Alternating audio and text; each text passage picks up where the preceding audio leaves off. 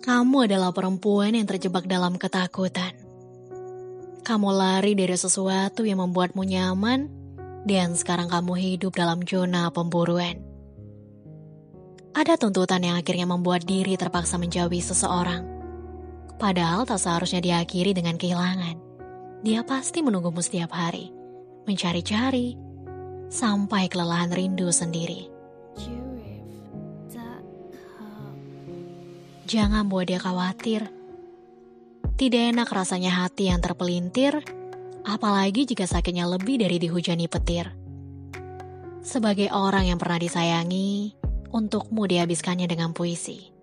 Cukuplah air mata yang menggenangi. Yang namanya cobaan juga tidak akan mampu kamu habisi. Beri dia kesempatan sekali lagi, agar benar-benar lega melepasmu pergi. Pesan yang kamu kirim peran dalam sinopsis yang ketiknya jadi misteri. Kadang sama terdiam entah karena kehabisan bahan atau karena sudah bosan, tapi sama-sama gak mau ditinggalkan. Bukannya sadar malah tidak sabar. Urusannya bisa sampai pertengkaran. Hubungan dekat semakin berjarak, padahal sebelumnya sudah terikat. Terlalu egois bukan? Kalau kamu memutuskan hilang tanpa kabar. Jangan menyiksa diri dengan bersembunyi hanya karena ingin melihat histori. Berbesar hatilah. Setidaknya dia pernah jadi yang terindah.